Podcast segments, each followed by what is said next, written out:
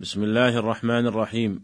الحمد لله رب العالمين وصلى الله وسلم وبارك على عبده ورسوله وخليله نبينا محمد وعلى آله وصحبه ومن اهتدى بهديه إلى يوم الدين. أيها الإخوة المستمعون السلام عليكم ورحمة الله وبركاته. نتناول معكم في هذه الحلقة جملة من أحكام السلم. نتناول منها جملة في هذه الحلقة ونستكمل بقية الأحكام في هذا الباب في حلقة قادمة إن شاء الله تعالى. فنقول السلم في اللغة مأخوذ من التسليم والإسلام. يقال ويقال له السلف. قال بعض أهل اللغة السلم لغة أهل الحجاز والسلف لغة أهل العراق. والصواب الذي عليه المحققون من أهل اللغة أن السلم والسلف بمعنى واحد في لغة أهل الحجاز وأهل العراق. ويدل لذلك أن النبي صلى الله عليه وسلم وهو يتكلم بلغة الحجازيين قال من أسلف في شيء فليسلف في كيل معلوم ووزن معلوم إلى أجل معلوم. وسمي سلما لتسليم رأس المال في مجلس العقد ويسمى سلفا لتقديم رأس المال الذي هو الثمن. ويعرف الفقهاء السلم بأنه عقد على موصوف في الذمة مؤجل بثمن مقبوض في مجلس العقد. فقولهم في التعريف عقد على موصوف. أي أنه لا بد أن يقع العقد على موصوف غير معين فلا يصح السلم في المعين. إذ أن إذ, إذ أن السلم في المعين لا يصح وإنما يمكن له أن يبيعه بيعا ولا حاجة للسلم في هذه الحال. وقولهم في الذمة احترازا من الموصوف المعين. كأن يقول أسلمت إليك كذا ريال بالسلعة المعينة في المكان الفلاني والتي صفتها كذا وكذا فهذا لا يصح السلم فيه ولو كان موصوفا إذ أنه موصوف معين وليس موصوفا في الذمة. وقولهم مؤجل أي أنه لا بد في السلم من التأجيل فلو كان السلم حالا لم يصح في قول بعض الفقهاء وفي المسألة خلاف سنعرض له إن شاء الله عند الكلام عن شروط صحة السلم. وقولهم بثمن مقبوض في مجلس العقد هذا القيد لا بد منه إذ أنه لو لم يقبض الثمن في مجلس العقد صار من قبيل بيع الدين بالدين وهو لا يجوز. أيها الإخوة المستمعون وصورة السلم هو أن يأتي رجل إلى آخر وينقده عشرة آلاف ريال مثلا على أن يعطيه بها مئة كيلو تمر من نوع معين بعد مدة معينة.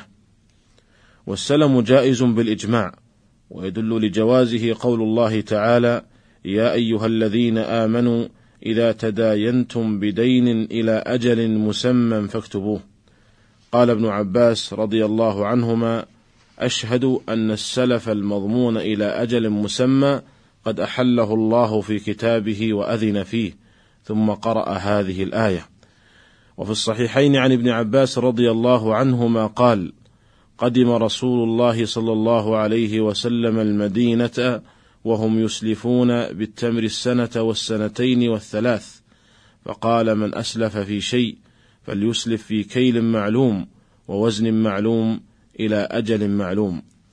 وفي صحيح البخاري عن عبد الله بن أبي أوفى رضي الله عنه قال إنا كنا نسلف على عهد رسول الله صلى الله عليه وسلم وأبي بكر وعمر في الحنطة والشعير والزبيب والتمر. وقد أجمع العلماء على جواز السلم وجوازه من محاسن الشريعة الإسلامية إذ أن فيه توسعة للناس ورفعا للحرج عنهم. ولذلك فإنه يسمى بيع المحاويج. وفيه مصلحة للطرفين للمسلم وهو المشتري وللمسلم إليه وهو البائع. فالمسلم الذي هو المشتري ينتفع بالسلم وذلك بشرائه للمسلم فيه وهو المبيع بأقل من قيمته الحاضرة. إذ أنه قد جرت عادة الناس بأن يكون ثمن المسلم فيه أقل أقل من بيع الحاضر. وأما المسلم إليه الذي هو البائع فإنه ينتفع بالسلم وذلك بحصوله على الثمن الذي هو رأس مال السلم مقدما. والسلم نوع من البيع ويصح بألفاظ البيع وبلفظ السلم والسلف وبكل ما دل عليه. ويشترط لصحة السلم شروط أولها شروط صحة البيع والتي سبق الكلام عنها مفصلا. وذلك لأن السلم نوع من البيع كما سبق فيشترط له ما يشترط للبيع ويشترط لصحة السلم كذلك شروط زائدة على شروط البيع نذكر منها في هذه الحلقة شرطين ونستكمل الكلام عن بقيتها في الحلقة القادمة إن شاء الله. الشرط الأول أن يكون فيما يمكن ضبط صفاته كالمكيل والموزون والمذروع ونحو ذلك. وأما ما لا يمكن ضبط صفاته فلا يصح السلم فيه. وذلك لأنه يختلف كثيرا فيفضي إلى المنازعة بين الطرفين. وقد علم من أصول وقواعد الشريعة سد كل ما يفضي إلى المنازعة والخصومة بين الناس.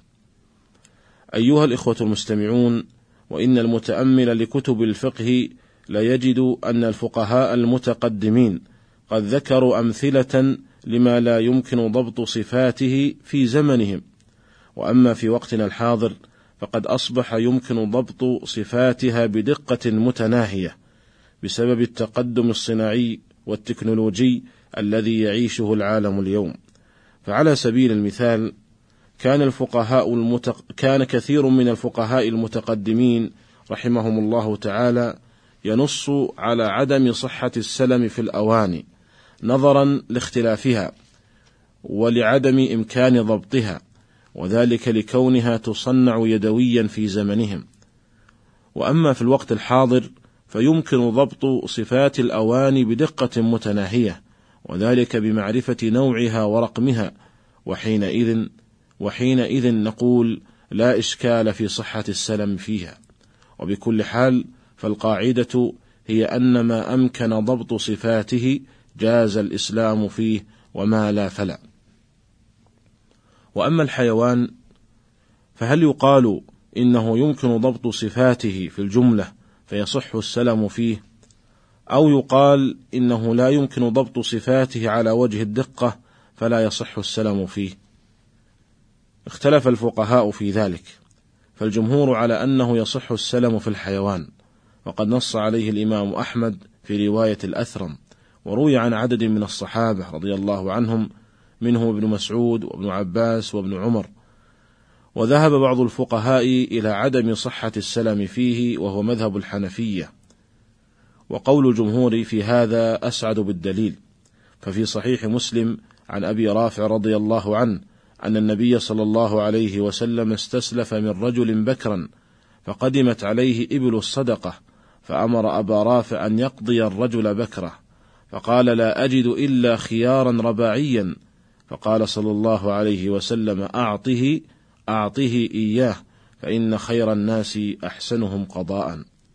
وفي سنن أبي داود بسند صحيح عن عبد الله بن عمرو بن العاص رضي الله عنهما أن النبي صلى الله عليه وسلم أمره أن يجهز جيشا فنفدت الإبل فأمره أن يأخذ على قلائس الصدقة فكان يأخذ البعير بالبعيرين والبعيرين بالثلاثة إلى إبل الصدقة.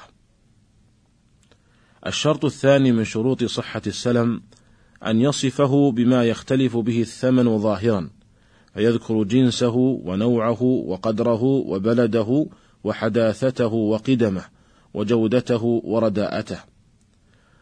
وإنما اشترط ذلك لأن المسلم فيه عوض في الذمة فلا بد من العلم به كالثمن. ولأن العلم شرط في المبيع وطريقه إما الرؤية أو الوصف والرؤية متعذرة هنا فيتعين الوصف.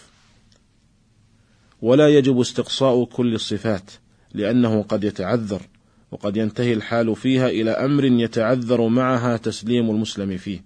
وإنما يكتفى بالأوصاف الظاهرة التي يختلف بها الثمن ظاهرا بل إنه لو استقصي جميع الصفات حتى انتهى إلى حال يندر معها وجود المسلم فيه بتلك الأوصاف بطل السلم حينئذ.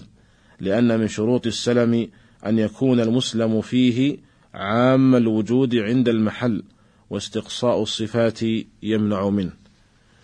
ونكتفي بهذا القدر في هذه الحلقة وإلى حلقة قادمة إن شاء الله. أستودعكم الله تعالى والسلام عليكم ورحمة الله وبركاته.